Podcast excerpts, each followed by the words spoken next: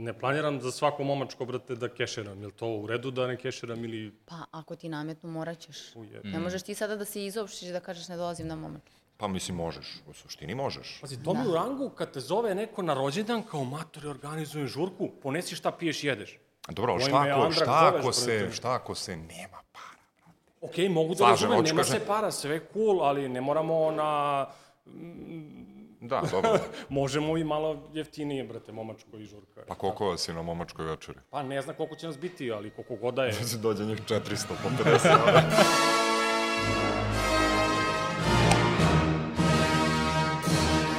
Dobrodošli na Kolegijum, jedini biznis podcast u kome svake nedelje osnivači i menadžeri svojih biznisa otvoreno i bez ustezanja pričaju o aktuelnostima, vestima i večitim mukama u preduzetništvu. Sa mnom su danas Nemanja Čedomirović, osnivač i generalni direktor firme Growit i takođe Viking Code, firme za integraciju no-code i low-code a, tehnologija i ako znate šta je to, pišite mi u komentarima, molim vas. Feđa Lučić, osnivač Morph Networks, a, kompanija za business process outsourcing i čovjek zbog koga snimamo u 21. bloku, pošto je to jedno od tri mesta na planeti gde prihvata da radi. Milica Garzičić, osnivačica modnog brenda Lola, koji ste, ako ste neobrazovani seljak kao ja, do sada čitali kao Lola M. A ja sam Gornjan Kuloski, suosnivač i generalni menadžer kreativne agencije Žiška i 37. najslušaniji podcaster u Srbiji. Dobro, hajde pređemo na naš dnevni red uh, kolegijuma. Milice, kad sam ja prvi put seo ovaj, sa ljudima koji imaju svoje biznise, o, osetio sam se kao da konačno mogu da pitam ono sve što nisam imao koga da pitam, pošto kao jako malo mojih prijatelja ima sobstveni biznis. I onda mi je to nekle, donekle bila inspiracija za ovaj podcast. Um, I onda sam hteo tebe da pitam, šta bi ti ono, šta bi ti pitalo u ovom forumu ljudi koji imaju neki drugi svoj biznis? Šta je tebe najviše mučilo kada si pravila Lolan?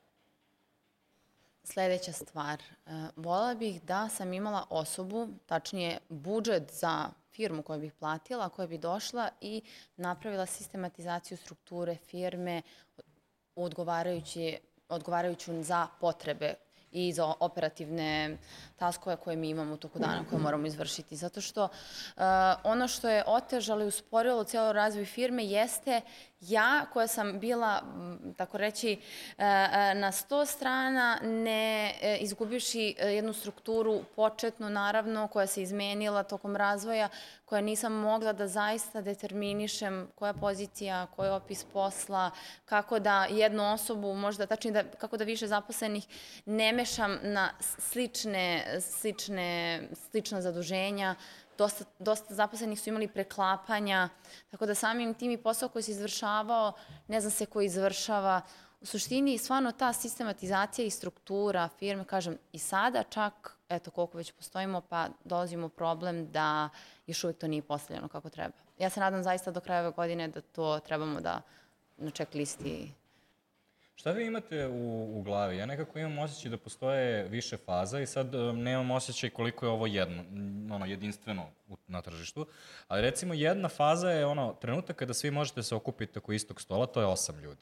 Razlika između 8 i 13 ljudi je ogromna, jer ne mogu da stoje između istog stola i kao sa 13 ljudi moraš da imaš već prve neke politike, moraju ljudi da znaju neki proces, nešto da ono ima nekog e, reda u firmi, što. A, kada dođeš do 20, tada već postaje ono akutna potreba, ti ne možeš više da pokrpiš sve stvari koje si krpio do tada, kao ono, osoba koja je vlasnik biznisa, osnivač ili kako god. Znači ti recimo ne možeš da radiš financije više, odnosno možeš i dalje, ali ćeš da ono malo poludiš, jer kao toga će biti ono, ono, neće te biti dva dana, radit ćeš samo financije i onda kada dođeš, samo će cela firma da se sruči na tebe jer ostale stvari koje takođe moraš da radiš. I onda, Ali- ona, kaži. Izvini, ali ja mislim da je to baš što si ti ispričao pogrešno.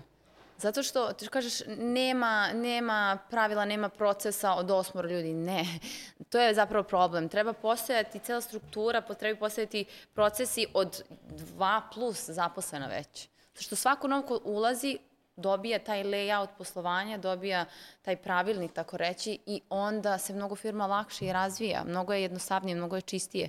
Tako da ne trebaš da čekaš što ti kažeš da se ono stumble upon da bi, aha, sad trebam da rešavam onda sve. Ja, pazi, problem je u tome što ja ne mogu obavezno da napravim savršenu, ono, savršenu strukturu iz prve. Kad nas ima osmoro, nema HR-a.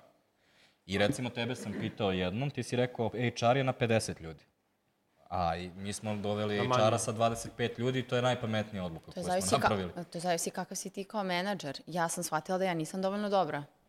Tako da po meni osoba koja zaista ima to u sebi, ona će postaviti od početka posao kako treba. Ima takvih ljudi. Idealno je da takva osoba već ima iskustvo nekim drugim, možda u ve- većim korporacijama koji će taj sistem šablon rada uneti u svoj privatni posao. Ja lično mislim da bi to bio najidealniji, uh, najidealnija formula. Da prvo ipak postoji iskustvo, korporacija, sistem, naravno i tu ima dosta palinki, ali i onda se tek upustiti u to. Mnogo manje grešaka. E, ali ono što ćeš otkriti je, pošto, uh, recimo, ovo je Miloš meni, u, pošto ovaj, Žiška je partnerstvo, tako da postoji ovaj, druga osoba koja je partner, on meni često ukaže na to kada ja sam taj lik, uh, ne zato što sam bio u korporaciji, nego ja sam lik koji generalno voli da pravi sisteme. Ovaj, I onda postoji sistem za, ne, za sve, Ali kao ne treba ti sistem kada je nešto jednostavno, jer onda postojanje sistema u jednom trenutku postane previše za ljude, razumeš, kao ima nas ono, ima nas petora, idemo na snimanje, ne treba nam obavezno knjižica koja nam objašnjava kako ćemo se sada organizovati, dovoljno je da improvizujemo, moramo da improvizujemo u tom trenutku. Do sada se meni to samo obilo u glavu. Meni nikada to što govoriš nije na kraju izašlo na dobro. Ta Pa ja jedna spontanost. drugu, iz druge perspektive, tipa da smo, da smo ti i ja pričali u trenutku kad si, kad si Mhm. osnivala firmu, a da sam ja sada sa ovim iskustvom, Mhm. uh, ja bih ti rekao, proživi to. Jer, pa da, jer da, ja ako razumem. ti ne osetiš bol na svim tim nekim koracima, sad ne znam koliko vas ima, koliko Mhm, dugo poslujete, ali nije isto ti kad si počinjali i pet godina kasnije. A, drugačije gledaš na stvari. Da, da ako ne osjetiš bol toga što znači nemati procese ili što znači imati previše procesa, što znači kad zaposleni dođe pa ne zna šta da radi ili kad zna sve, sve da radi, sve zavisi šta hoćeš da optimizuješ. da, ako da. imaš previše procesa, ti ubiješ kreativu. Neko ima tu, checklista, ide 1, 2, 3, 4, on nema kada misli. Ako ima manje procesa, ti ga puštaš da on pokuša sam da se snađe. Tako da sve zavisi koju optimizaciju radimo, Pa, da. ali kao o, za ovim stolom pričamo o preduzetnicima, o vlasnicima, mislim da nema recepta, pa čak da imaš isti biznis u istoj industriji, da ti neko dođe samo sa spoljnim procesima i da ih stavi pitanje da će raditi. I, Tačno. I sa procesima, procesi su živa stvar. Tačno. Oni se menjaju. Vreme, neprilike, šta god, moraju da budu živa stvar. I to je neko ko ulazi u biznis, mora da bude svestan. Sad, ne, možda se neće složiti, ali možeš da iskopiraš koju god firmu, evo, ja ću vam dati sve moje procese moje firme. Naravno, naravno. Da li će to raditi? Pitanje. Tako da, mo, mo, mora taj po, početni period mora da bude teško da bi znao šta ti treba. A, ne bih se, ne bih se oslonio na to, je, imam neko će mi posluži procese, to radi, sad ja idem. Može, ali samo mislim da bi firma m, za mnogo manje vremena došla do određenog targeta koji je sigurno. Ja iskreno mislim da ne bi. Stvarno. Ja iskreno mislim da u tom inicijalnom periodu gde imaš 5, 6, 7, 8, što kaže Goran, ljudi, onoliko ljudi koliko mogu da sede za istim stolom i da rade zajedno, mislim da procesi baš usporavaju stvari. Dobro, gledaj, ne mislim ja korporativni procesi najdetaljniji, da sad, guide. ne mislim sad štreberski sada da ti uvedeš ljude i da se zaista zastraše na početku. A šta je primjer toga što bi voljela da si dobila kao savet, što nisi znala kada si počinjala? Regulative, pravna, eh, pravne stvari, eh, i sve te olakšice koje sam ja, naročito kao ženska osoba, mogla dobiti kroz grantove, kroz eh, neku inovaciju. Jednostavno nisam se uopšte upustila uh, o program, nisam uopšte ušla, za, zapravo ti programi koji postoje uopšte za mene nervira u ovoj državi što uopšte nisu tako javni. I da samim tim neko ko imao želje, neko ko nije imao novca kao ja i koji je pozajmio novac da bi krenuo, nekako bilo bi mi super olakšavajuće da sam znala kako da dođem. Ja sam se potrudila, ali definitivno nisam, nije mi bilo to onako Ali to je potpuno drugi par rukavica. To apsolutno mislim da, da treba i ovakva neka ekipa da ima i da pomogne budućim preduzetnicima ili preduzetnicama, e, imaš to tu ovako uh, financije, ovo je ti osnova financija, Da, ovako da, ti je da, nađi da, pare da. ovde i tako dalje, i tako dalje, ali to ništa nema veze sa procesima u firmi kako zaposleni da radi. Da, da, da, Tako slažem se, ovo razumem, bi to su odvojene stvari. olakšalo Da, I da. kako bonuse hendlamo i kako povećanja i da li davati povećanja, ne, šta god da su, da su, da su teme, mislim da bi značilo da na jednom mestu imaš nekog s kim možda popričaš, e, ja krećem, u šta se upuštam? Ili da se upuštam, da se ne upuštam? Da, ali najdetaljnije da uđem. Od toga šta trebaš imati sa, iz strane re- regulative u firmi pravno da ne bi ulazio u Ali problem. mislim definitivno balans između obe stvari koje si pomenuo generalno u svom izlaganju. S jedne strane, ono kao postojanje te neke podrške, da ti neko ukaže na neke ono zidove i prepreke na koje je nailazio gde si lupo ovaj, e, glavom u zid i ostalo, a sa druge strane opet i treba da postoji zdrav balans tih nekih momenta, ko što si rekao, da sam negde udariš glavom u zid. Jer dok ne skapiraš kako sve može da, da, da Ne ne, ne to. postojanje procesa da ti napravi problem, nećeš ni pristupati rešavanju tog problema na isti način kao kad bi ti neko rekao i u fazonu treba da imaš procese i to je to. Ali ti prvo moraš pre svega toga da validiraš da li to što radiš ima smisla. Pa Da, da, tačno. Ja imam jednog kolegu s kojim sam skoro nešto pričao, on hoće da pravi neku aplikaciju koja je pre svega za korporacije, nije ni bitno. Sad mi smo provali prvi 15 minuta gde on bio u potpunom stresu. Pa koje sad regulativu ja moram da pratim, jer će to da, a, ne znam, koji ISO standard korporacije da prihvati ili ne. Čekaj, čekaj, Da, kako da, da. ISO standardi? standarda. Ajde, ti imaš PPT, one što si pomenuo. Ajde to proradi, brate, da radi za meni i tebe. Da, da, vidimo da. šta treba korporaciji. Da, poenta mi je, nemojte da se mnogo opterećujete u startu, dok ti ne vidiš da opipaš tu živu stvar, ili to živo ili nije, će da preživi ili neće. Znaš, znaš šta mislim, ne izvini. Znaš šta mislim samo da je opterećujuće? Mi čitamo dosta sad ako čitaš u biznis svetu i onda stalno niču te kompanije, firme koje su uspešne. Kompanija koja postoji pet godina, kapital 5 miliona, prodata za 400 miliona. I onda Tačnije, ja samo prvo čujem prodata za 400 miliona, postoji 5 godina, onda dok ne uđem da vidim, aha, čekaj, investitori iz Saudijske Arabije, čekaj, povukli su iz Juxa, iz Netaportea, iz ne znam koje još e-commerce platforme, najbolje seniore, da, tako da, me, isto kao što i društvene mreže utiču loše i možda estetski e, taj moment kod, e, pre svega žen, kod žena, isto tako stalno čitaš o toj neku uspešnosti firmi, onda ti kažeš, te sam ja. Meni je generalno moment da, da, da mi plasiramo prodaju firme kao ono zvanično, Ultimativni cilj, zvanično da. ultimativni cilj i uspešnost. U smislu jeste uspeh, naravno, ti od ni od čega napraviš neku firmu koju prodaš za mnogo, mnogo para. Da. Ali ono čini mi se da je to mnogim preduzetnicima ono kao ultimativni cilj, ne da sagradiš nešto što ne znam šta i stojiš s nekom idejom iza toga, nego ideja da ga prodaš za što više para. Meni to malo... Što si ti teo da... Ja sam da te pitam, pošto je on rekao u jednom trenutku uh, neko da ti objasni kako da lupaš glavom o zid, a ti si onda pomenuo nešto što mislim da je tvoj mentorski rad. Ti si mentor nekim ljudima, biznis mentor. Kao da to možda rešenje koje ja tražim. Pa vrlo, vrlo moguće. Vrlo moguće. Da, da ti... Mo, da ti ili pomognem da ne ideš u zid koji ja vidim da ćeš sigurno otići, ili da ti pomognem da ti dam širinu koju možda nemaš u tom trenutku. Da te neke početne prepreke preskočiš mnogo brže ili jeftinije ili lakše nego kad bi sam išao. A, I tu, tu mi je recimo generalni savjet, nemojte sami u preduzetništvu. Ali dosta puta ne znaš da pitaš. znaš gde da pitaš možda Ne znaš gde da pitaš, a i nekako radiš, e, sad zavisnosti koja si industrija, ali fokusiraš se na taj svoj posao, a onda sve to operativno što ide i to regulativno što ide pravno je sa strane i onda ti ne uđeš u networking koga bi ja sve mogu, ko će mi pomoći, nego se fokusiraš na svoj taj rad. Ja imam recimo mo- drugačije iskustvo u smislu da se ljudi boje da pitaju. Ljudi neće da, da pitaju. Čak i da znaju, evo recimo, ne znam, pre šest meseci sam držao neko predavanje u Nišu, puno amfiteatra. I bukvalno ovako, posljednji slajd, uliki mail, LinkedIn, ljudi, šta god vam treba, save, daj da vam napravimo CV, šta god. Šta mislite, koliko ljudi se javilo? Da li misliš da je to zbog toga zato što, ono, mislim, kapiram da postoji ono, sjaset nekih različitih razloga, da li ono, ko neću ispadnem glup da postavim pitanje i to. Da li misliš da je zbog toga što možda polaze od pretpostavke u fazonu, ja mu napišem poruku, ono, Ne, neće, mislim da je neće mentalitet. videti, mislim da je kultura Srbije da ne pitamo, da sve znamo. Da, što ja To to pitam, jeste. ja to znam. A možda i nema inicijalno ni ideju šta bi te pitali.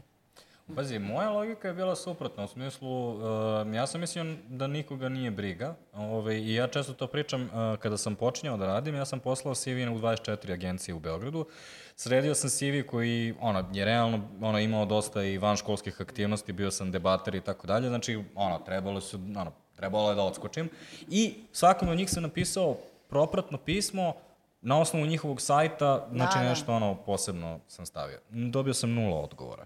To je nekako bio, ono, ja sam rastao u tom nekom sistemu. Okruženju. Pa se povukao samo u suštini. A ne, ja sam samo u fazonu ne očekujem, razumeš, kao... Da, da. Ja recimo, ovaj, evo, na primjer, um, ovaj, Miša Lukić je lik koji je osnovao ovaj, dve, tri agencije. Yes. Ja njega ne poznajem. Bilo je sasvim logično da ja njega pozovem i kažem, um, kao, da li možeš, pošto si osnovao tri agencije koje su danas žive, da mi kažeš kao na što treba da obratim pažnju. Meni to nikad nije prošlo kroz glavu I to mi je tek sinulo pre par nedelja jer sam shvatio da je on bio fazon u svim drugim podcastima, sem u marketičkom podcastu koji ja vodim. I kao onda sam bio u fazonu, kako, ali to je, evo, meni to recimo, ja jednostavno nemam taj čip, razumeš, ne, software nije instaliran, molim vas pokušajte kasnije. A čekaj, a šta ako, što je ujedno jednim delom, stvarno mislim da je tačno da ljudi ne žele da podele informacije. Ti si napisao veliki sajt, pitajte me, pa ljudi nisu pitali, ali dosta puta možda, ne govorim za tog Lukića, ali ljudi ne žele da podele s tobom šta su oni radili i kako su radili. Meni je teško ponekad iz osoba koje bliže poznajem da osetim se kao da jedva izvučim informacije. Ja ne znam da to postoji kao možda nekim ljudima kao pretpostavka. Moje lično iskustvo sa svim ljudima sa kojima sam ono, pričao o biznisu koji su biznismeni da je bukvalno u fazonu sve ću da ti kažem, sve ću da ti nacrtam, evo pokušaj bolje, samo da vidim da može. Ali mislim da smo u bablu, ako, pričamo o bablu. I, I ti i ja ili za ovim stolom. Recimo, mene, pošto radim remote i nekad imam sluške, nekad ne, i devojka sluša stalno kad ja imam razgovore. I nebrojeno puta se desilo ili da ja zovem nekoga ili neko mene zove da me pita, e, kako da pricingujem ovo, e, koju cenu da stavim za ovo, e, kako ste vi ovo uradili, sad ja završim razgovor i ona me pita, čekaj, tebe je zvao neko ko ima drugi biznis i pitao te koliko ti naplaćuješ, ti si njemu rekao i ovaj tebi je rekao koliko naplaćuje. Pa kao zašto? Pošto ona potpuno van, ona je... Mm -hmm, da, Ona da, nema da. svoj biznis.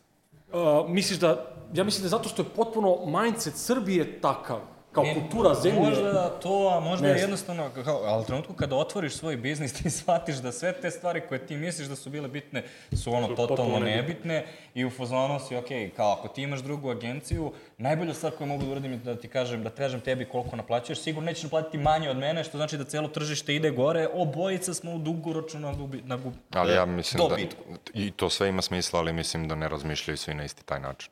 Ja se s njim slažem u smislu da postoje ljudi koji ono otprilike čuvaju, razumeš, informacije. Ja mislim, generalno kod nas postoji taj mentalitet Isto ja- da, isto da mislim. odmah razmišljaš na koji način je on tebe tim pitanjem ili zahtevom ili Isto mislim. predlogom ili idejom Pokušao nešto. šta je on zamislio, jer sigurno nije u fazonu da obojica dobijemo. Možda je u fazonu da obojica dobijemo, ali da on dobije više. Isto I ja sad moram da razmislim na koji način je on to mislio da, razumeš, to ti je polazna tačka je jako baš često. Poirot moment Jako često da polazna, misli polazna tačka da vidimo mi prvo da zatvorimo sve rupe i mislim da, da se ja osiguram najbolje što mogu da ti me ne možeš da zajebeš i onda nakon što prođem kroz ceo taj proces, onda sam u fazonu, ma postoji neka rupa koju ja ne vidim. E, Ali stani, I imam... ide se u dubiozu, vrate, sa tim Ima, razmišljanjem. izvini, ima mnogo veze i sa koliko godina imaš kad krećeš. Sada, kad si već, eto, ajde da kažem, kad si stari imaš već malo i samopouzdanja, krećeš se nekim krugovima, evo zadesi se da mi sad sedimo ovde i ja sigurno sam otvorena da te pitam, ali ja eto tada, sa 22-3 godine kad sam kretala, ja nemam taj krug ljudi koga mogu da pitam. Svataš, to su sve studenti u različitim industrijama, ja u suštini nemam koga pitati. Da, mogu da istražujem, gledam te podcaste, gledam, e, ne znam, na LinkedInu, ne znam, čitam koje intervjue, ali to je to. To je moje pitanje. Ali ja mislim da opet ide i u nekom drugom pravcu. U smislu, ljudi koji su stari imali više iskustva, umeju da odu i u drugom pravcu. Ja bih rekao da ceo taj moment iskustva te vodi u jednom ili u drugom pravcu. S jedne strane možda budeš otvoreniji ovo što kaže Goran, ono, skapirao sam da sve stvari koje sam ja tu nešto kao Da. da. kriju su totalno nebitne. Ovaj, a možeš i da budeš neko koji je u biznisu 10-15 Možeš. godina, koji je prošao kroz neke paklove i, mislim, prevare sa koje kakvim ljudima s kojima se sarađivo i da zbog toga nav- navlačiš sve veći i veći gar. Da, ne, samo kažem da bukvalno možda nemaš tržište oko sebe koje bi pitao. Kad kažem tržište, govorim Da, da, da. prijatelji, u smislu ti sa 22 godine, ko su klinci Nemaš grupu 22 ljudi, godine? da. Nemaš grupu ljudi, nemaš grupu ljudi koji su vlasnici ušte poslova, biznisa. U tom smislu. A, Čedo, a, da li je puko IT bubble u Srbiji? Šta si ti istraživao, kačio po internetu, ljudi te prozivali, ajde objasni, uvedi nas u temu. Ok, IT Bubble, uh, ajde za, za ekipu, pošto, da kažem, ajde možda, možda ste i manje ovde iz, iz IT sveta, kratka sumacija, poslednjih godinu ili manje od godinu dana. Uh, IT industrija je dostigla svoj vrhunac, svoj pik. Ja bih rekao, to je jedan bio ogroman balon koji se duvao, pa se krpio, pa se lepio, da se duva, duva, duva i došao trenutak kad je to sad samo eksplodiralo. Eksplodiralo je na nekoliko strana. Uh, prvo, mnoge firme u Beogradu, pričamo o Beogradu, su nestale preko, preko noći, po znacima navoda, a to dolazi iz Amerike, jer mi smo industrija pre svega outsourcinga. Šta to znači? 80 plus posto naših kompanija, IT kompanija nema svoj proizvod, nego zavisi od toga da izvozi sate ili ljude za inostrano tržište. Kad su počele da pucaju banke po Americi i velike firme, to se prelilo kod nas. Poslednjih šest plus meseci imamo situaciju da uh, glavni vodeći ljudi većih firmi kod nas pišu po LinkedInu da su otpustili na stotine ljudi, znamo kompanija su otpustile na 500 plus ljudi kod nas, dakle mnogo otkaza, dakle to, to je jedan, jedan nivo babla gde mnogo otkaza je došlo, S druge strane, mnogo, preko 50% manje oglasa, odnosno otvornih pozicija na Infostudu, Jobertiju i ostalim Hello World sajtovima.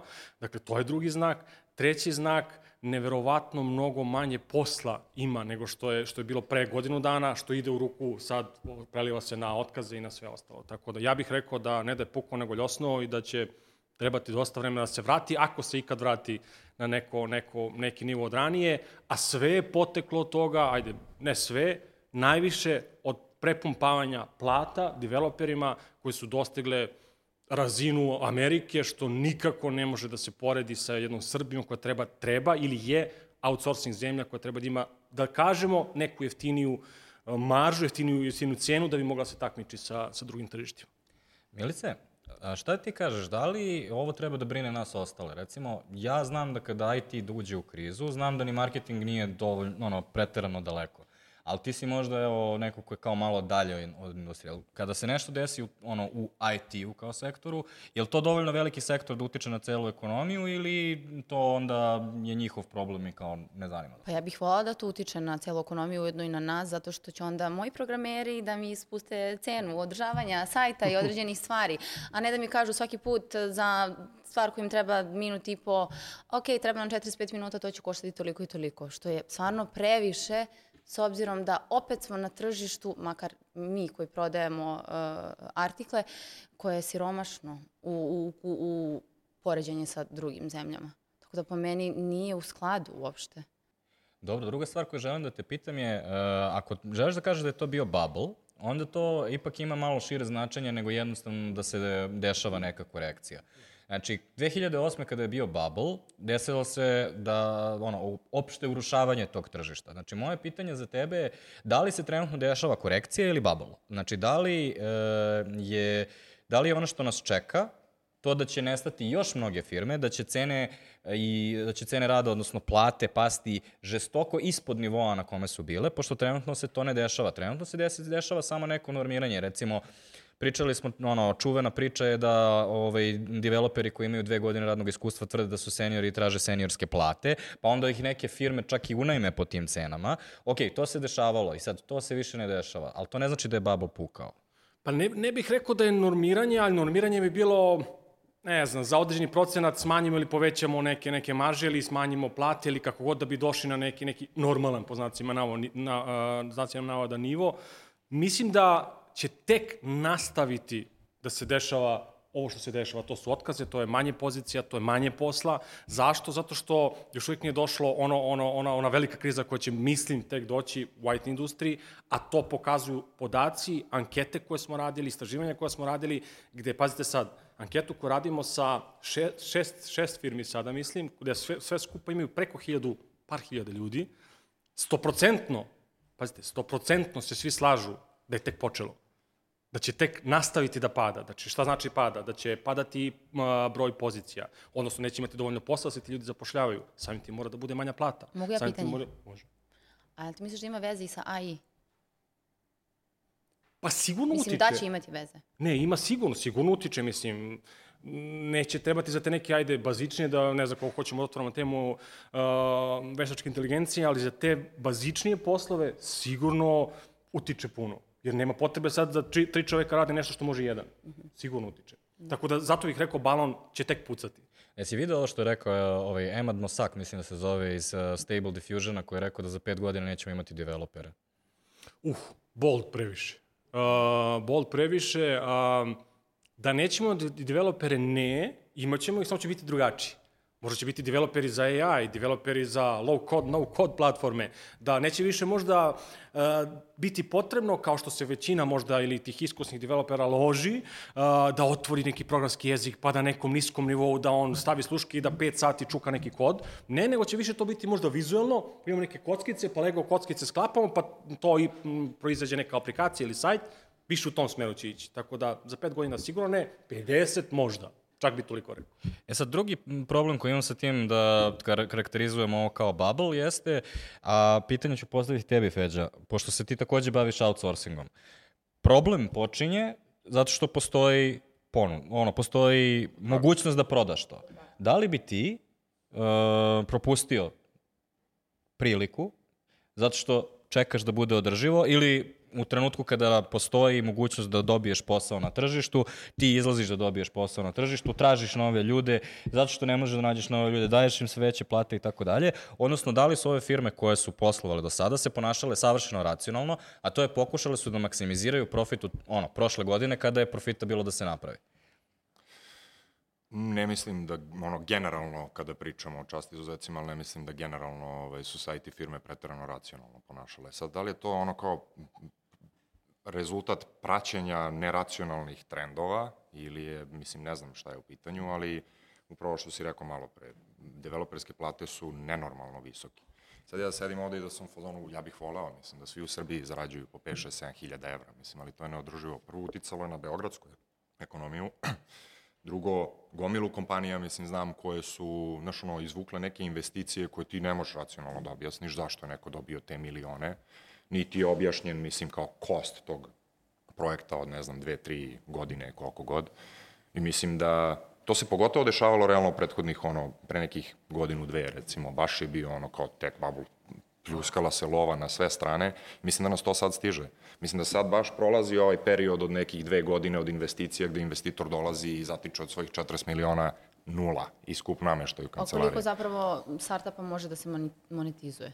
Kako? Koliko, koliko zapravo startupa se uopšte monetizuje na kraju? Pa ja mislim, jako mali procenat startupa se monetizuje na taj pravi način, ali ono što realno vidim kao trend, ja ću sad da dođem do laičkog zaključka, ali u smislu da si ti da ja otvorim IT kompaniju, da napravim neku, ono, neku PowerPoint prezentaciju, da plasiram to nekome i da mi on da pare i da ja objektivno dalje ne znam šta ću s tim parama, jer biznis nisam vodio, nego sam developer sa idejom.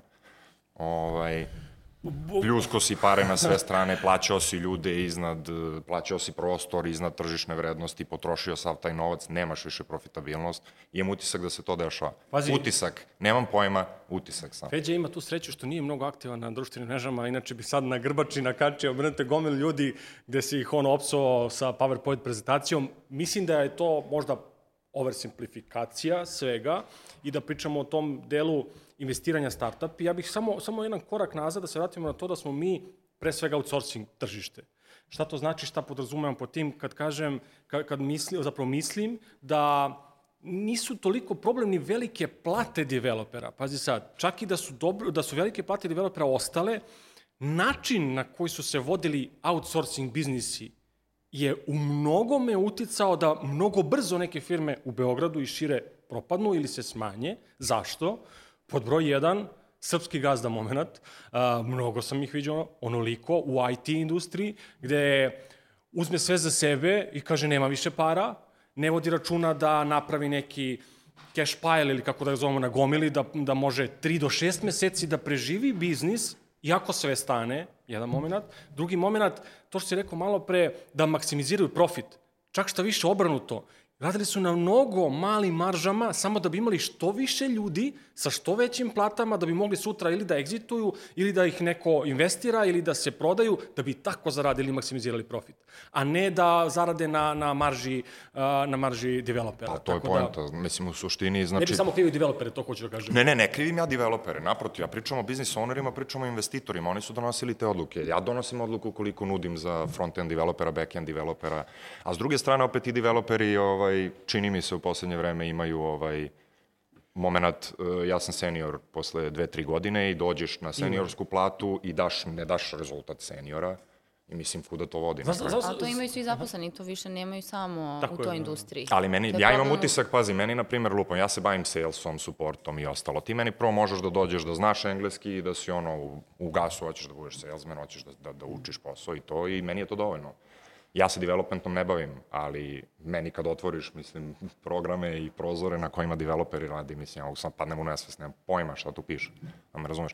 Delo mi kao da su mnogo ozbiljnije posledice da ja dovedem nekog mediora ili juniora koji sebe naziva seniorom, da ga postavim na seniorsku poziciju sa seniorskim odgovornostima, Meni salesman ne može da napravi problem kakav tebi može senior developer, ko, ko, developer koji se predstavlja senior developerom. Ali prvo bi se to vratio na, na vlasnike firmi, što su zapošljavali ljude koji Da, nemaju dovoljno mislim. znanja. Da. I tu bi samo možda da odbranim i investitore ili investicije.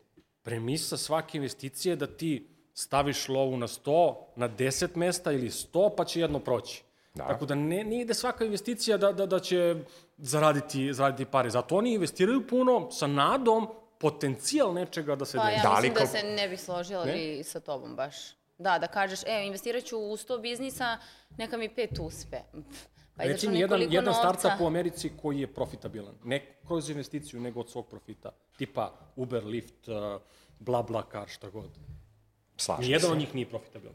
Ja se Svi posluju negativno. Dok ne, po, dok ne počnu da prave baš ogromne pare, ala Facebook, koji, Da. ono, Ali to, Koji su unicorn. baš, ali to su baš veliki... Ne, pa jeste, jed, jedinstveni su, ono, na, ono, jako malo njih dođe do toga, ali to je u stvari ta igra procenata i startup se i zove startup zato što očekujemo da će 90% njih da propadne, da će 5% njih da bude otprilike ono jedva profitabilni i 5% će da napravi nešto. Međutim, uh, kakve to veze ima sa nama koji radimo outsourcing, jer mi imamo startupe, nemamo. Pa ima veze iz, iz, iz koje perspektive? Ima veze da, pošto pljunu puno novca, tako, investicija, ljudi se pomame, support, uh, marketing, developeri idu za velike plate, a to ubija outsourcere koji ne mogu da isprate medijarsku platu za 5000 na belo.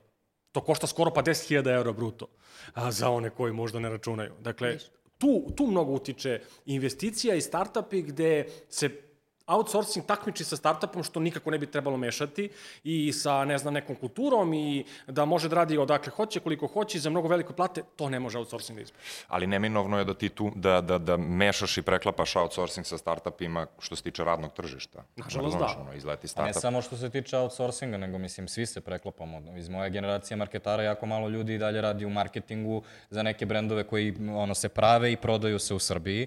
Jako puno njih je otišlo da radi B2B uh, praktično sales. Mislim, ja smatram taj ma- B2B marketing više salesom nego što je ovaj advertising. I ovaj, kao kad pogledaš moju generaciju, ono, Miloš i ja, prilike smo jedni od redkih iz te generacije koji su ostali dalje posluju u Srbiji. Većina njih je nešto na globalu, radi za neki startup, to jest neku IT kompaniju, nešto. Ako mogu samo, ok, bra, branio sam developere, a ma, malo moram sad ih, da, da, da ih bocnem. A, zašto, kad, zašto kažem balon je pukao? Hoću da budem onaj koji kaže car je go. Da ljudi budu svesni šta se dešava. Ne da bi sad a, imali manje plate, nego da ne budu nerealni i nezahvalni da sad traže povećanje od 500 evra. Ne mogu da dobiju outsourcingu. Neće preživjeti taj biznis. Hajde da vidimo da dođe Ali trenutak... što bi ja to uopšte ono, ispoštovao? Znači ja kao... Zato što nećemo, niko od nas neće imati posla. Ali nije moj problem što si ti zaposlio 10 drugih developera koji tvrde da su seniori i nisu. Ako sam ja zaista tvoj senior, ja zaslužujem i vučem ti tim, zaslužujem to povećanje plate, bez obzira što je tebi problem. Jer bi dao. ne znam, nema developer. Ja bi tebi. Da, da, ima marketinšku agenciju, meni to sve jedno. Šalim se. Ovaj, ne, hoću ti kažem da um, ovaj, to je ono što mislim da ljudi, ovaj, ono, mislim da se svi konstantno vraćamo na to da nešto treba, nešto ne treba, nešto je zasluženo, nešto je nezasluženo, neke te velike istine vrtimo, a u stvari sve je stvar tržišta.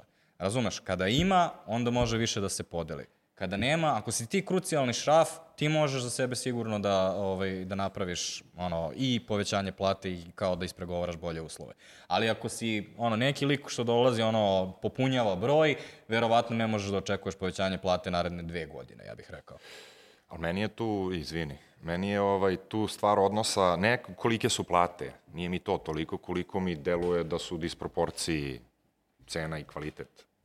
I da su u disproporciji cena i kvalitet upravo zato što je demand toliko brzo skočio da smo mi krenuli malte ne da štancujemo E, developer. sad tema na to... I svi ljudi koji nemaju veze s developmentom su ušli, u dobar procenat developera sada naspram ono ja, kako razumeš, pre 10 godina developeri, pre 15 godina developeri, dobar procenat developera, veći procenat čini mi se, developera je sada u developmentu iz totalno nekih random pozadina logično. zbog love. Tako je, to je logično zato što si ti, Naravno. potrebni su ti ljudi. I ja sad kad pričam o tim realnostima, pričam ne da se izjednači među developerima plate, nego što ne bi i lekar, i učitelj, i sve, sve ostale industrije koje ne mogu da imaju 2 plus 3, 3000 evra platu za neku, ajde da kažeš, pet godina poziciju uh, u nekom poslu. A Reci mi, jedan posao u Srbiji koji može da ima platu od 3 plus 1 euro, normalan posao od 9 do 5. Pa nema šanse. Ali hajde o tome da pričamo. Što u Nemačkoj nisu developeri zvezde? Pa nisu. Zato što je to jedna nadar industrija koja radi dobro, zarađuju dobro, sve okej. Okay. Ne ložimo Nemačka se. ima svoju ekonomiju, ceo IT u Srbiji se piggybackovo na, mislim, zapadnu ekonomiju. Ja, zato imaš uh, šund, zato imaš Ne šustere, možeš, zato ne imaš... možeš našu medicinu da piggybackuješ na Da. američku, nažalost, razumeš, ono, medicinu, školstvo. Tu dolazi do problema da imaš loš kvalitet. Pa da, da, znam, kapiram. Jer mora ovaj s juga Srbije dole koji radi za 150 evra, on vidi 1000 i po 3, 5 soma evra, pa on naravno će da ide tamo. Što bi radi učio, ne znam šta, 10 plus godina i da nema platu Ne veću od znam 300 da li je utisak da ja sad ono kao upirem prstom i optužujem ljude, ne samo ono kao, to je po meni činjenično stanje, razumeš, ne možeš da opravdaš u Srbiji platu od 5000 evra, možeš da je opravdaš na neki vremenski period, ali ja mislim da to jednostavno nije održivo, da su nama svi sektori u, u, na toj planeti, pa da kažeš. Ali ovako, znači... naši developeri koštaju koliko koštaju developeri u Americi, to nije bila poenta. Znači, ubedili smo Gorana da je balon pukao. Ni, ne, ne verujem. Ne, i dalje niste. Ovaj, ovaj, mislim da se samo dešava normalni tržišni procesi, ovaj, a mislim da ćemo... Ajde da otvorimo pitanje onda naredne godine. Ovaj, I možda je ovaj IT bubble ili ne bubble, kako god želimo da ga zovemo, je možda dobar uh, segway, odnosno pre, prelazak na, na novu temu. Uh, zbog toga što ti si pomenuo uh, prezentacije u jednom trenutku, odnosno lepe prezentacije na koje dobiješ investiciju. To se dešavalo sa NFT-evima, dešavalo se sa metaverzumom, imamo uh, automobile koji treba da se voze sami, da će izaći 2017. evo samo što nisu. Ovaj, I sada će se desiti opet sa AI-em. Znači, opet, isto što smo rekli sa startupima, 90-10, 9 od 10 startupa koje se napravi vezano za veštačku inteligenciju će propasti i sigurno neće biti dobro. Što znači da nas čeka sigurno novi hype cycle. Znači, ono, nešto novo sad ono, ulažemo i tako dalje. Što će opet doneti i neki novi posao tim istim outsourcerima koje smo malo pre ovaj, um, pomenuli. Da li misliš ovaj, da je sledeća godina bolja prvo za IT, a onda možemo oko stola za vaše biznise kao kako vi vidite? Ne da je bolja, nego će biti gora. Znači, u, naj, u, na, u najboljem slučaju bit će ista kova, što nije dobro. A, to znači da će i ovaj keš koji su neke firme stavile kao rezervu i on će iscureti, tako da očekujem da će još padati firme, još padati poslovi, pa sa samim tim plate, tako da očekujem da još ide, ne, ne mora toliko nizbrdo, ali sigurno neće biti, neće biti dobro. Neće, neće se vratiti kao što je bio početak prošle godine ili preprošle. Milice, šta ti vidiš naredne godine u modnoj industriji? Pa ja sam ipak malo pesimista više nego optimista. Mislim, zato što sad u našoj industriji to baš nije modno, to je ujedno i tekstilna, ujedno i sad logistički šta se dešava i pošto se tu dosta izmena dešava između ostalog i zbog Rusije i um, Materijali. Da, da, da. Ali e, sad ako pričamo ovde u Srbiji, život je toliko poskupeo, tržište kako mi primećujemo, ipak sve skupa, ali oni nemaju taj novac da izvoje i da daju, tako da po meni skroz jedan disbalans se dešava. Naravno, sad, kao poslodavac u jednom ciklusu sam da razumem i upite i za povećanje plata i za te korekcije. Međutim, samo, mi sve o čemu pričamo, da li je bubble pukao, da li nije pukao, sve to po meni više priča zato što, kao što si ti rekao, tržište samo govori sledeće, a to je da nije baš u najkomfortnijem, najstabilnijem situaciji. Ne mislim da će biti ni sledeće godine. A, Feđa, šta kažeš ti? Ja mislim da će biti gore sledeće godine. Ja iskreno mislim da Bubble još nije pukao. Ja iskreno mislim, mislim, da baba ja iskreno mislim da se trenutno bavimo krpljenjem rupa koje su bile rupice pre godinu dana, sad su onako rupe, brate, koje svi vidimo i osjećamo, ali mislim da tek treba da pukne. Mislim da ono kao re, u recesiju nismo ušli. Ekonomska kriza se još zvanično nije desila, sipaju i štampaju nove pare da bi odložili neminovno i tripujem da se neminovno dešava sledeće godine. Tako da mislim da ćemo nije biti se u desila. goroj situaciji. Recesija koja treba da se desi već tri godine i koja je trebala da se desi kada se desila najveća pandemija i ono, disrupcija ovaj, um, biznisa, se nije desila. I evo, američka ekonomija se oporavlja, čak i njihova inflacija pala. Čak se sad Fed razmišlja o tome da li će da smanjuje stope po kojima pozajemljuje novac. Što će reći da o, Amerikanci se izlače. Ali su Sad- podigli debt ceiling u aprilu, brate. Oni su, oni su projektovali realno određenu pozorište? cifru do kraja godine za, za 2023. Udarili su taj ceiling u, u, u aprilu. Ali to je sasvim normalno. izvukli su se kao što se inače Pazi, da li je to samo Pa marketing i priča i storytelling, jer neminovno je da je poskupilo sve pa i, i duplo. Da. Pričamo o Srbiji. Sigurno je poskupilo, sigurno je inflacija pojela deo plata i vidimo primjere da su većina ajde, IT kompanija nekako normirale te plate i pomagale, jel tako? Samim tim to govori da se nešto veliko desilo. Ja moram da vas vratim na januar ove godine. E, se sećate ovaj, um, kako je to zaista izgledalo? Znači, um, ili možda čak januar prethodne godine je bolji. Ovaj, ona Q1 pred, ovaj, te godine. Ono, okreće rat u Ukrajini i nemamo pojma da li će ovaj, Putin da baci nuklearku. A, kre, najavljuje se ovaj, ono, otpuštanja prvo u Americi, ako sećate Facebook 5000, pa Amazon, pa ovaj, Microsoft. I inače, a, svi ti tvoji koji su ti odgovorili da su jako pesimistični za narednu godinu, ja sam pokušao na, da ispitam malo tržište tada i onda sam pitao da li će se ovi otkazi iz Amerike preneti kod nas, svi su bili ono, ne, matori, kod nas da ne, ništa, ne, nema šanse. Ali setite se toga, znači pada berza, sve tehnološke akcije, Netflix, Facebook, eh, Apple, sve padaju i tako dalje. Sve ide u neki minus i još, ako se sećate, tada nije bilo sigurno da smo izašli iz COVID-a, nismo izašli, hoće nova varijanta, hoćemo pomremo svi, nećemo pomremo svi. Znači, to je bilo ono stanje od pre ono, godinu i po dana. Misliš da su sad svi previše, previše op- preoprezni, pa zato prognoziraju da će Ne, se... ja nas- sam u fazonu, ono, znaš, kao, prošli smo to, Aha. ono, već smo, znači, ono, pa, pravo ste, da, inflacija pojela sve, jeste, i istutnjala se i tako dalje. Kao, šta može da se desi kao naredne godine da bude gore? Mislim, kao Ukrajina, Rusija, konflikt je trenutno ukupan na ovaj, istočnom frontu Ukrajine, tako da tamo se ništa neće promeniti. Prema tome, šta može da se desi toliko šokantno? A misliš da mora da se desi šokantno? Jer mislim da iz ove, ove pre a, opreznosti pare su skuplje, mnogo manje se investira, mnogo manje se rizično posluje, mnogo će biti oprezni koliko se troši, na koga se troši, za šta se troši, a to će neminovno da dovede do velikog broja kompanija koje neće moći da prežive.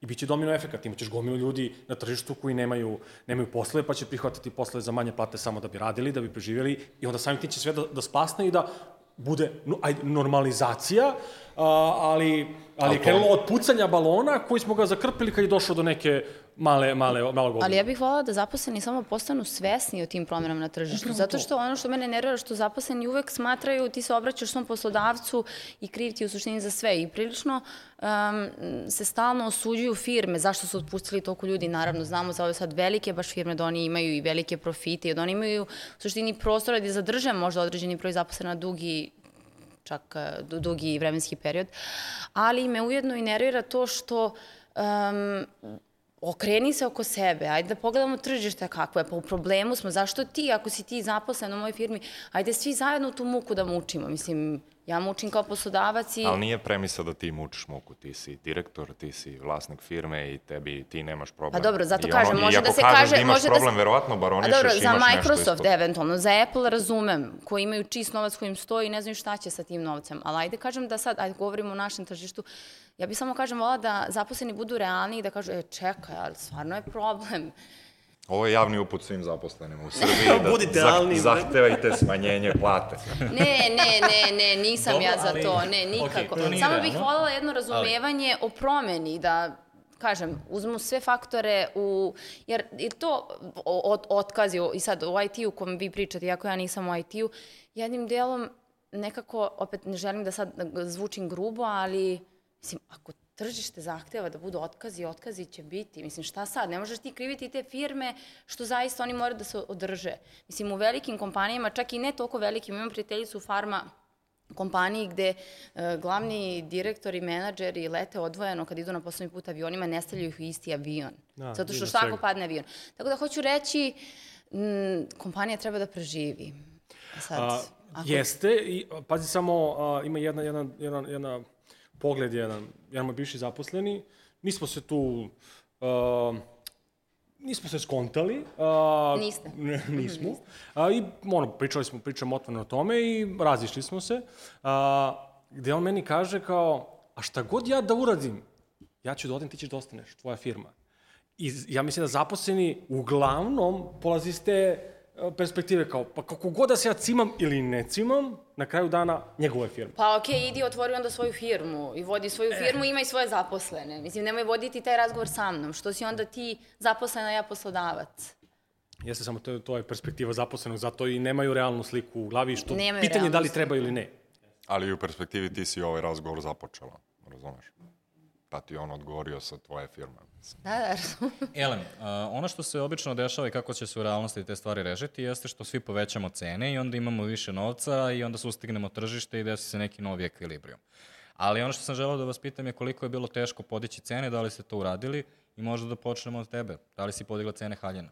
Pa jesmo, ali mi nismo dobili odaziv na te povećane cene kakav bi navodno trebali da dobijemo u odnosu na promene na tržištu.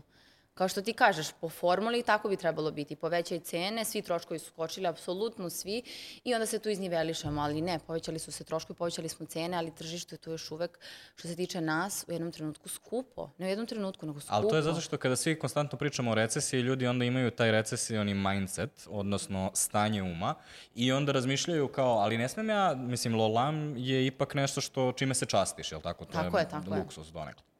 Verovatno.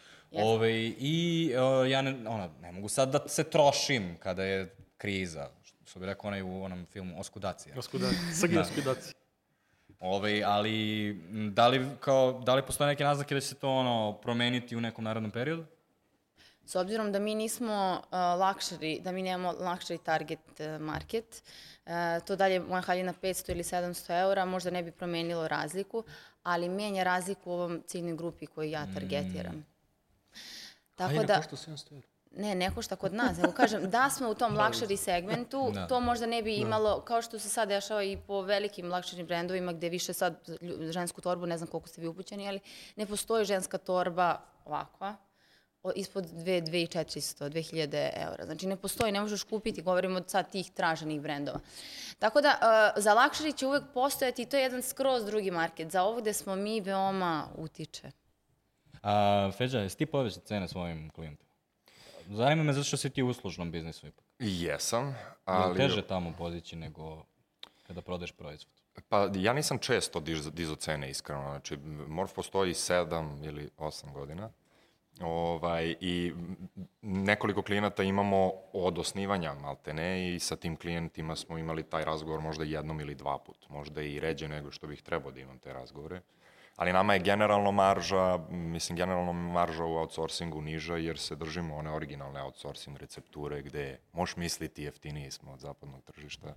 I onda nam i marža dosta ono, dosta niže i trpeli smo po toj marži neko vreme pre nego što smo odlučili da povedemo razgovore sa, sa ovaj, kompanijama sa kojima radimo, a već u tom momentu rekao bih da su im troškovi na sve ostale strane dovoljno skočili da ono, ne moram ni da imam argument. U smislu, ti si Da. digo cene, mi ti radimo sales, znam da si digo cene, digo si cene i znam da si ih digo da bi, mislim, rešio, da bi rešio troškove, znači ništa mu veći profit nije, šta više manji mu je profit nego što je bio. Ali, on, mislim, onda se pojede pitanje, ok, digo si sve ostale troškove, mislim, iste priče kod nas. Zavisi od klijenata koje imaš. Sad, na primjer, u mom slučaju mi idemo zaista na, tako reći, mas, koliko se god može nazvati to mas. I onda to utiče, to malo povećanje, zapravo ne možemo kreirati taj mass market po tim višim cenama. Ne, sigurno. Pa ja radim B2B, znaš, Da, u, star, da. u startu je ono malo drugačija dinamika i ljudi sa kojima vodim te razgovore su ljudi koji imaju biznise, mislim i sarađuju sa nama, imaju sales timove, support timove i prosto je logičan razgovor. Ili da li je volumen ili ne volumen, Pa što da, se tiče klijenta. Pazi, Goran je, Goran je postavio pitanje da li smo dizali cene da bi više profita ostvarili. Nisi, Ne, ne, ne, baš nisi, sam bio, aha, baš sam baš, aha, fazonu da nešto- ispratim, ali okej, mi ako jesi, super. Ne, nisam, Podeli- baš sam to hteo- si stalno svoju magiju. Ne, baš sam to htio da kažem da dizanje, ok, jesmo mi digli cene, ali smo relativno ok to mogli zato što mi imamo jako velike korporacije s kojima radimo, pa su i oni dizali dalje cene, tako da nije to bio problem, ali smo mi sa dizanjem cena ka klijentima dizali i plate ljudima. I to je došlo na isto. Dakle, nije tu, to su te, ne znam, nekako mi ostalo u glavi, ja sam rekao da je veći profit. Nikako nije veći profit sa, sa Da, da. Ne, ne, apsolutno samo da se održiš. Mm. Apsolutno samo to. Da, mi smo imali ovaj, čudnu situaciju zato što um, naš biznis je dosta razmolik, pa sad da li radiš recimo integrisane komunikacije ili digital se dosta razlikuje i onda imamo neke dugoročne ugovore ovaj, sa klijentima na digitalu i kao recimo tu nismo insistirali zato što daleko više smo mogli da napravimo razliku time što smo se fokusirali na ove ono, veće projekte, smo više mogli da nadokradimo ovaj, tu razliku, ali da, nama nekako kasni, zato što bukvalno to je kao neki a, mi jesmo prioritizovali tim, to čime bi mi trebali sada da se bavimo, ali to je bukvalno kao neki kamen koji ti oko noge konstantno. I koliko god ti brzo trčao, opet konstantno te nešto vuče unazad i jednostavno ne možeš, evo sad, ono, baš ovaj, sad treba da presečemo to, kao da, morat ćemo opet i te neke kao osnovne cene da, da ispregovoramo i da podižemo opet. Dobro, um, onda da pređemo na narednu temu?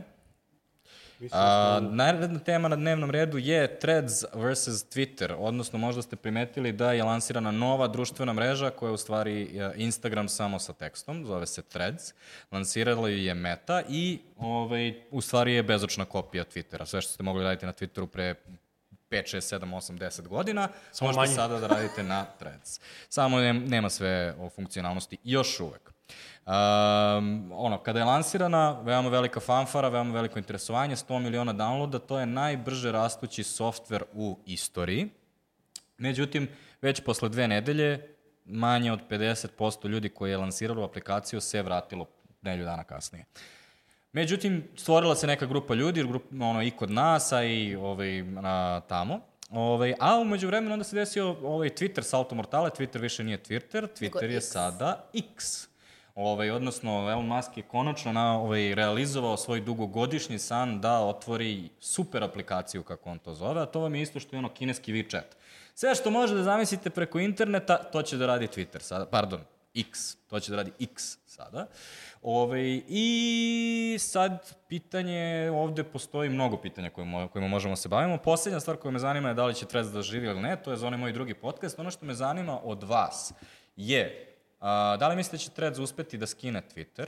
Koliko god Twitter, recimo sad, ono, da ne ulazimo u to šta su sve problemi sa Twitterom sada, ali Twitter je first mover. Oni su incumbent, sve ove reči postoje i na srpskom, sigurno samo nemam pa kako se kažu, a to je, oni su došli prvi na to tržište, oni su ga kreirali, ljudi kada koriste takvu aplikaciju, oni kažu, ja tweetujem, da li neko drugi može da dođe u tržište koje si ti napravio i onda da ti uzme taj deo kolača. Prvo na pitanju Twittera, a onda na vašim firmama. Zavisi koliko novca. Mm, a pa Meta ima neograničeno novca, ne znam da li si čula, ali napravili su aplikaciju gde ljudi pričaju kao na Zoomu, ali nemaju noge i to je koštalo 15 milijardi dolara godišnje. Tako da para ima. Možeš, molim te da nam ispričaš Meta, malo o toj aplikaciji. Aha, Meta. Šta Meta, znači nemaju noge? Pa ne, pa, kao, avatari, da. Ono, imali su avatare zato što su noge bilo skupe za, za animiranje. A. U 15 milijardi dolara nije bilo budžeta za noge.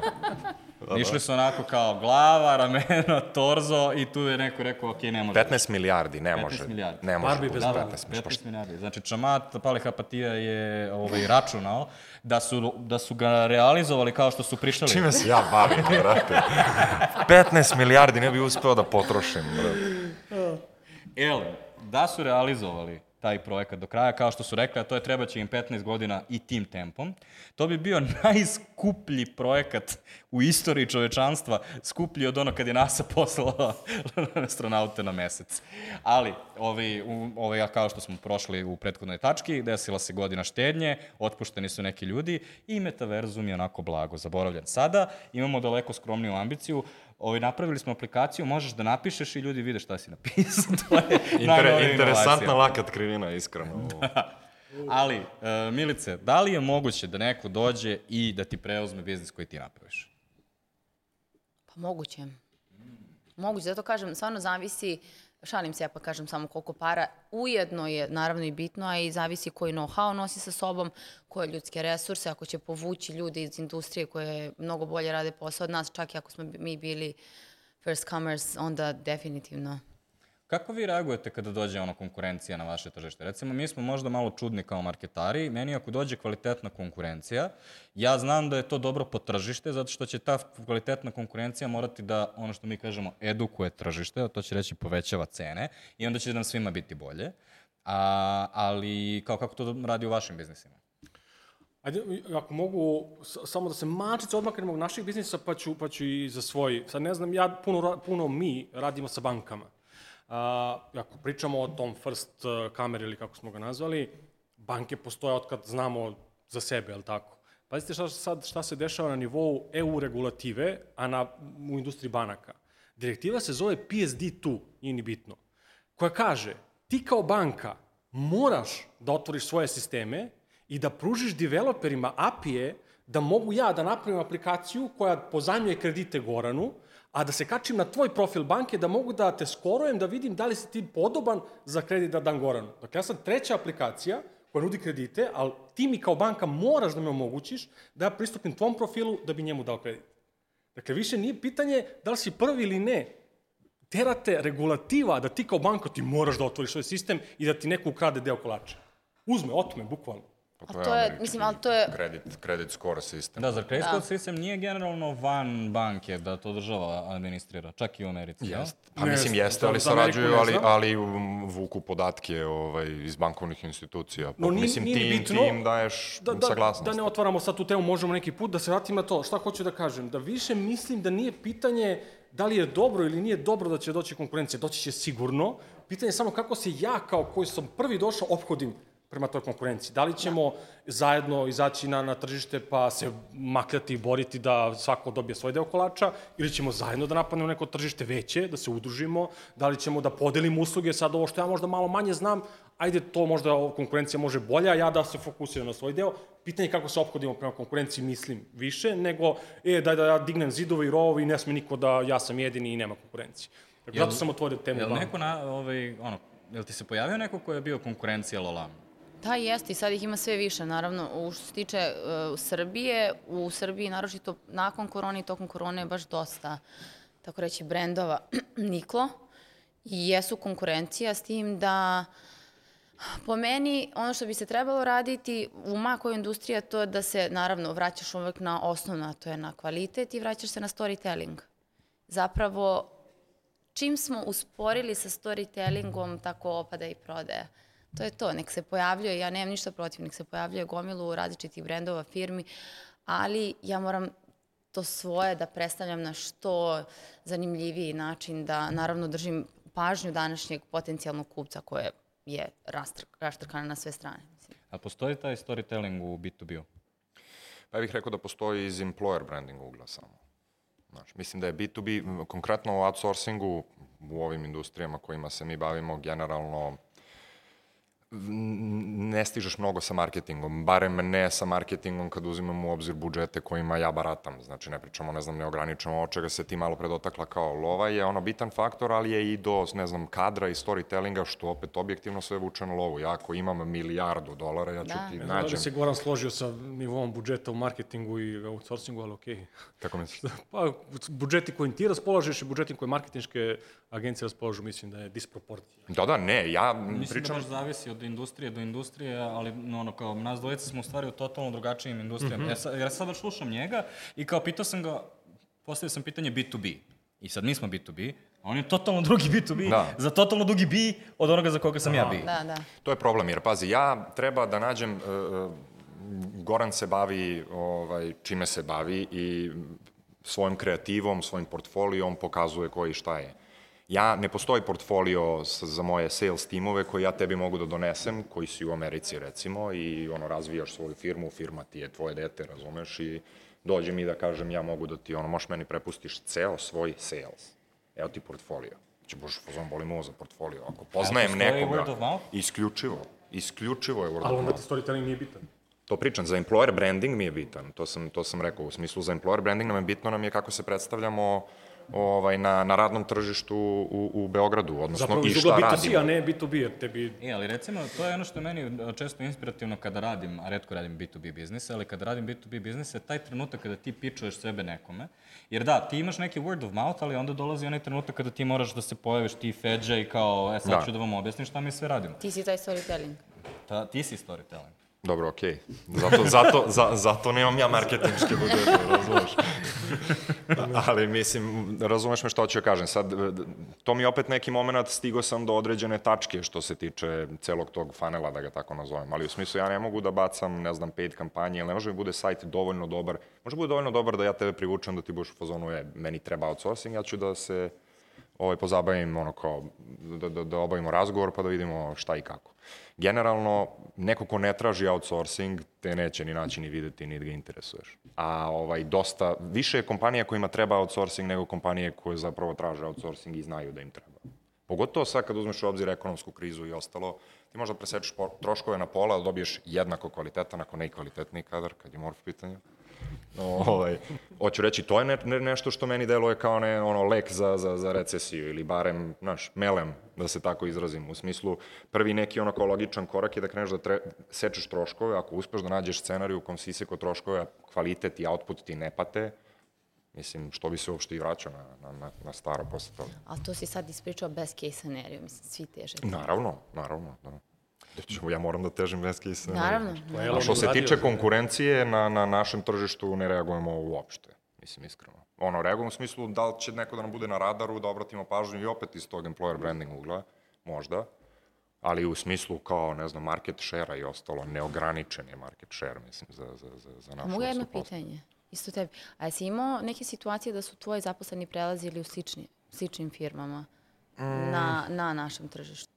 Da, ali redko. Najiskrenije, ono, poaching, da se tako izrazim, kvalitetnijeg kadra je obično dolazio iz uh, SAS-a, odnosno SAS salesa odnosno da, investicija. Vratimo se na tačku 1, o, odnosno, da. odnosno neopravdanih da. količina novca. Da. Razumeš? Tako da, u, u, u suštini, Znaš, ono, mi se nalazimo, ja volim da verujem da se nalazimo u situaciji da ono, mi imamo firmu, imamo biznis model koji, koji funkcioniše i koji je održiv i, i za koji mi ne treba strana investicija i ne znam, bilo čija investicija, nego jednostavno imamo biznis koji proizvodi novac.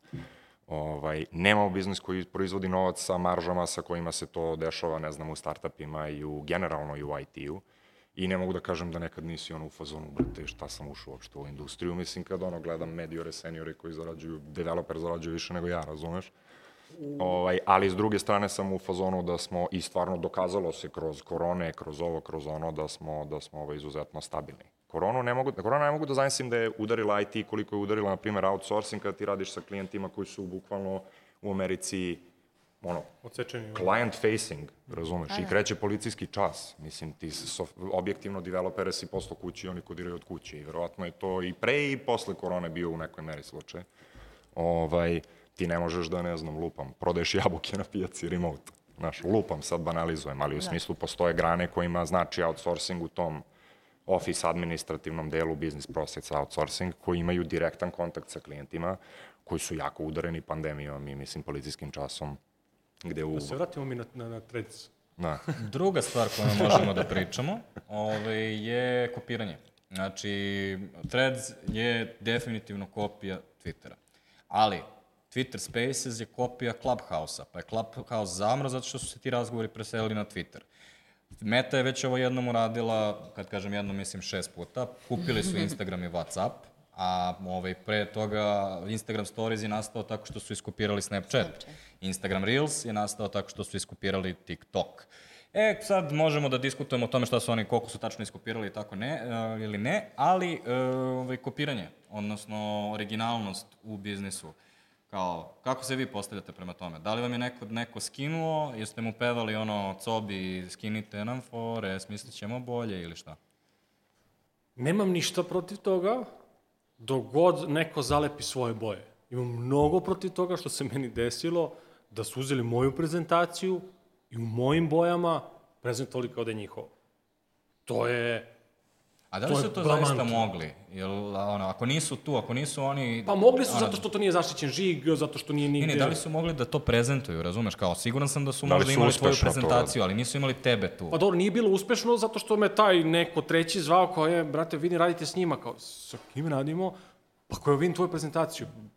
Koju moju prezentaciju, daj da vidim, ja tako skontam. Tako da to ne podržavam, ali podržavam da se inspirišem, podržavam, uh, ne možemo toliko novih stvari da smislimo na svetu koje neće makar ličiti. TikTok i Instagram ne da liče, nego su ono, jaje, jajetu, ali svako ima neku svoju funkcionalnost koja ga izdvaja u nekom smislu. S tim A što ni je Whatsapp? taj... Izvini. Pa ni Whatsapp nije prva chat aplikacija Nije. koja je nastala. Ti Ona je u nizu da. jedna od, ali eto, Ali desilo se da nekako uspe. upravo, da. I iz te perspektive mislim da je kopiranje i zdravo, čak na, naslanja se na onu konkurenciju od malo pre. Ali Da ja nije mislim, bilo Whatsappa, ne bi nastao ni Viber ili ne znam ko je sad stavio. ali ja mislim da je ovo o čemu ti pričaš više inspiracija. Kad pričamo o razlici između Threadsa i, i Twittera, mislim da je to ono highway robbery razumeš, potpuna, potpuna kopija. Nije inspirisano kao, na primjer, neko uzo tvoj ono pitch deck i pogledao ga, inspirisao si ga ti kako da ga složi i nemam Ali pojma šta, nego je uzo copy-paste. A nije copy-paste. Copy-paste bi bio ceo kod, iskopirao i sve njihovo. Imaš Mastodon, imaš Blue Sky, imaš, svi su oni isti na kraju Ali dana. stani, njima je cilj da zapravo Twitter korisnici pređu na Threads. TikTok Tako da... da, je ist- cilj bio da Instagram korisnici pređu na TikTok, što i Da. jesu. A, inst, možda je tra, glavni, glavni cilj Threadsa je da Instagram korisnici pređu na Threads. to se neće desiti. Da, da, da, da, da. Adam Oseri je imao jedan sjajan intervju u, u podcastu koji zove 20VC i objasnio je da mi svi u stvari zamišljamo Instagram i dalje ono 2016. ono ša, š, skačiš selfije i šta si ručao. Današnji klinci, a njima su klinci najbitniji jer su oni sledeća generacija korisnika, mi smo već čao ono, za, za metu, mi smo u grobu. A, kaže, današnji klinci većinu vremena provode u DM-u.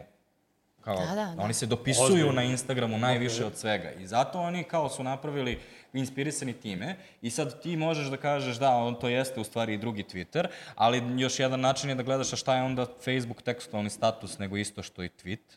Tako je nastao Facebook, da se setimo, nije bilo slika. Ali ovaj je daleko prefinjeniji UX, ima daleko manje đubreta sa strane, jer su ovi ga napravili tako brzo. Ima crno-beli interfejs koji je meni lepši, na primjer. N- Ono, uh, ima drugačiji, o, drugačiju logiku kada repostuješ i prikazuje ti ceo threads, a umesto da ti prikazuje samo jedan odgovor, što je malo eto različito. Znači, te sve sitne stvari možeš da tvrdiš da su neka vrsta razlike koja je neka tvoja idejna svojina. A druga stvar koja mi je tu bitna je 44 milijarde dolara platiš za nešto što je suštinski softver koji objavljuje ono što ljudi napišu. Znači, te ono, procene koje mi stavljamo na te softvere i te kompanije, ako može da se iskopira tako što ja vidim šta ti radiš i onda napravim to isto, gde je tvoj know-how? Šta si ti tu zaista izmislio? Je li to zaista bilo toliko fenomenalno i neponovljivo? To je ono što mi je čudno. Pa, ti pričaš sad o Elonu koji je platio 44 milijarde Twittera. Da, da, da, pričam više o tome, ako Ali- pričamo o tome šta je kopija i šta je original, Da. kao koliko je original taj Twitter, šta je tu toliko originalno napravljeno i smišljeno. Dobro, Pa ali ništa, Elon mislim- Musk nije kupio Twitter samo zbog Twittera, nego zbog korisnika, jasno. Tako da tih 44 ne kupuje softver, on je mogu da napravi Tako je, 10 tako je, takvih da. softvera. Ja mislim da ga je on kupio zbog sebe, zato što čovjek ne može se skine odande. Mm, On je Ovi, neki na poseban... svoj I meni. takođe, posle, Kupio ga zašto može, brate. ne, kupio ga je zašto mora. Ne znam da li se, pa, sad što je, kup, prvo je dao ponudu zato što može, a onda Aha. su ga naterali da kupi. Da, da, da, bila Pošto je on teo da se šest meseci pokušava da se izvuče čovek iz toga. Da, da, Bilo je šest meseci sage, ono. Mislim, uh, pazi, uh, prvo, apsolutno se ne slažem da je Trecu cilj da uzme Instagram korisnike, da je tako imao bi DM-ove, nema ih. Uh, dakle, a klinci da objavljuju tekstualne ono, statuse, ne mogu da zamislim. Stvarno? Više, baš ne mogu da zamislim. Čekaj, ali to će biti, neće u, toj, u- neće u tom obliku doći, ali oni će sigurno to malo inovacije dodati, ja sam sigurna, da će Twitter, tačnije X sada, osim ako ne, živi na, ne zaživi na drugačiji način, što se nadam da hoće, jer mislim da je Twitter više mene zamorio lično, a to je da klinci će isključivo koristiti Threads, po meni više, za njih će biti prava istorija Twitter, šta je bio Twitter. Znači, Twitteraši koji su bili aktuelni pre 7 godina kada sam ja prestao da koristim Twitter su i dalje aktuelni i dalje imaju ono stotine lajkova sada zato što postoji novi ovaj algori- algoritmički feed. Ali klinci koji danas žele da koriste tekstualne društvene mreže sada imaju threads gde su oslobođeni, razumeš? Nema buke, nema tih etabliranih ljudi koji mi prave ovaj, gužvu oko mene. I onda, recimo, evo, jedna stvar koja je krenula se dešava na threadsu koja mi je mega slatka. Ljudi postuju narodnjačke pesme koje im trenutno ono idu na kompu, ali samo ono du, duži ovaj samoglasnik tipa uh, ej tugo tugo i tako dalje i onda ali razumeš Kao, Da, kako oni ne. su svi zajedno. Dešava se onaj trenutak koji je najlepši na internetu, a to je okupiš se sa nekim idiotima koji imaju istu dijagnozu kao ti i svi kontate istu foru, iako se ne poznajete međusobno. Da, mi, A što, i vreme je za promenu? Nije, jeste vreme za promenu, meni je cool, ja sam ono, ono baš rano, na- kad je trend, prvog dana kad je došao u Srbiju, cool mi je, a, mislim da će preživeti, a, ali eto, ja možda ne kapiram, pošto ne koristim toliko Instagram dovoljno da, da su to sad ti klinici, više mi je bila Twitter publika koja će doći ovde, pa će Twitter otići u nekom drugom pravcu, a taj moment tweetanja će biti na, na trecu, možda grešim, Nemanja, koje si ti godište? 88. Aha, mator sam, šta? To ti je početak i kraj ovog Ej, uh, razgovora, shvataš? Ovo je treći put, brate, danas da me on tranžira on. Mislim, izvini, ali... Mi smo zato nju doveli da tebe drži pod lancem. Ne, ali nisi zoomer. Znaš, ono, to je činjenica. Nisi, ne, ne, ne, ne kroje se više softveri po tebi i meni, brate. Da, Da. upravo. A sad, znaš šta se ovaj, po nama kroji sada? Automobili. Ne znam da li si primetio koliko ti se mnogo više sviđaju automobili koji sada izlaze, nego recimo pre 10 godina. Jeste, jeste, jeste, jeste. Zato što sada su ono, recimo, videli ste ovaj uh, Hyundai Ioniq 5. Znači, ono, auto koji je kao retro od 80. Da, da, ali ono, nazad ima kao beatbox izgleda. Aha, znači, ja sam u fazonu kao, kao neko je uzeo i bukvalno ga napravio iz Skapirao. glave. Ovaj, ali da, zato što da, sad se prave za nas. Poslednja stvar koju sam hteo da vas pitam za Threads je, ne znam da li ste ispratili, ali Threads je u stvari lansiran mnogo ranije nego što su planirali, a to je zato što je Twitter uh, vikend pre uh, ograničio broj tweetova koji možeš da povučeš na svoju lajnu, što je nekih 600, što je za bilo koga ko je više od ono prosječan korisnik bilo jako malo. I onda je Meta rekla, ok, sad je trenutak, lansiraj šta god imamo, ne zanima me, kao mora sada da izađe, dok Da konkurencija na- je u problemu. Šta mislimo o tome? Da li je to moralno? Da, biste vi, da li biste vi to uradili? Ja to ne znam kako radim. to izgleda u vašim industrijama. Opa! Opa, prizna, priznanje imamo jedno danas. Ajde Milice, kako to izgleda onda i šta radiš? Pa sad, veoma pojednostavljeno sad, naravno, menjamo skroz industriju, ali da, vidiš da je nešto trend, vidiš da je neko se inspirisao trendom, izbacio nešto, ja kažem, to je to, sad ulećemo i stavljamo nižu cenu i stavljamo u više boja i što agresivnije. Ja recimo nemam Da. tu, ja recimo Ja nemam sam tu taj... debil isto, da. Ne, ne, nego ne, nije to, nego ja nemam uopšte uh, ovaj, ono, kad bi moj konkurent bio u problemu, ja bih saznao tako što bi oni objavili bankrot na PR-u, otprilike.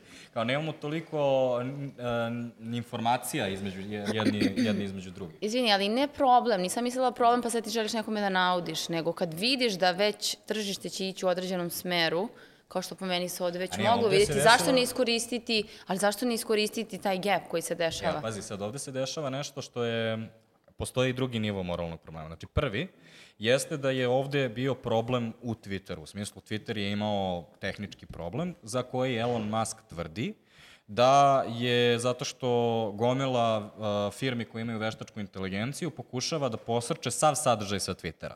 I onda postoji neki API koji oni pozovu i on ovaj, zakrči sve Twitterove servere i zato ne može niko da vidi tweetove. To je isti Elon Musk koji je otpustio četiri petine svojih radnika i onda je u fazonu, pa, mislim, ne trebaju mi, a onda odjednom padaju serveri. I to je isti Elon Musk koji ne plaća te iste servere Google-u, zbog toga što je u fazonu, a, bole me dupe, tužite me, pa ću onda da vam dođem kada me utužite, jer time pokušava da poboljša cash flow u tom istom Twitteru. I to je ono što te pitam. Znači, ti imaš odluke menadžmenta koje se reflektuju na proizvod, proizvod je u problemu, firma je u problemu, da li u tom trenutku ono, je, da li ovo što je Mark Zuckerberg i progutajte knedlu, znamo o kome pričamo, da li je to ono što je Mark uradio ok, nije ok. Fair game, not fair game. Možda nije fair game, ali mislim da je okej iz ugla preduzetništva, iz ugla biznisa. Ti hoćeš da lansiraš nešto što praviš i znaš da se takmičiš sa ogromnim igračima na tržištu.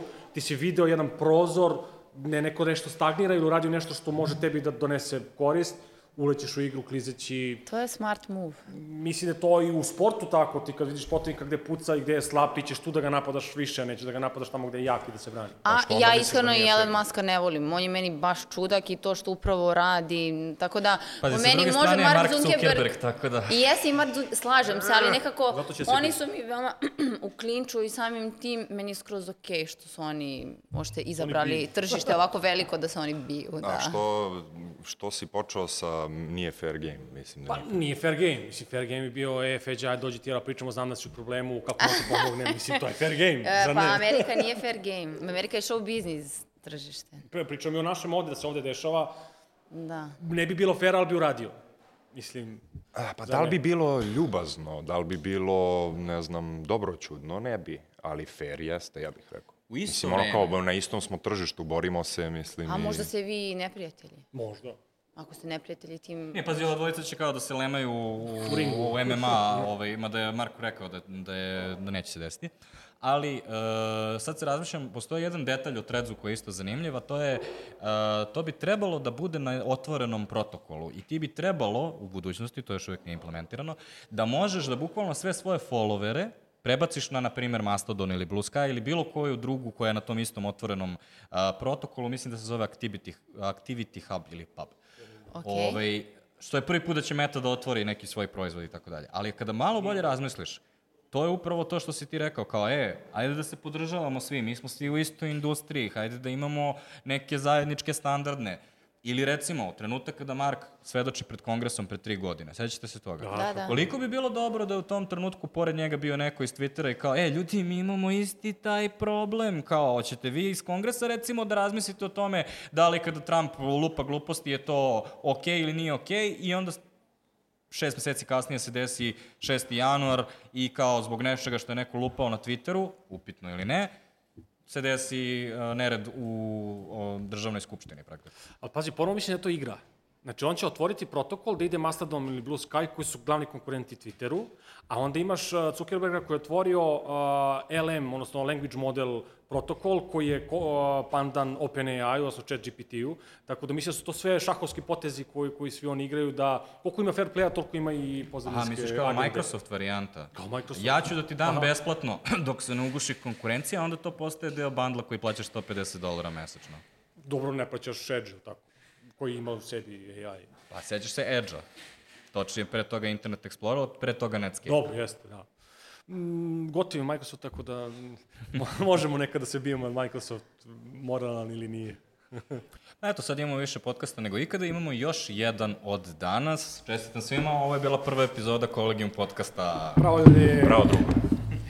A vi, e, od sledeće epizode, volili bismo da dobijemo nešto što ćemo zvati pitanja sindikata. Odnosno, kao što je rekla Milica, ako ste mladi i nemate koga da pitate, imaćemo ovde četiri osnivača i menadžera ili menadžerki sobstvenih biznisa. Ako ovde ne znamo odgovor, onda bemli ga gde ćete ga nađete. Zato pišite nam u komentarima vaša pitanja koja želimo da odgovorimo već naredne nedelje.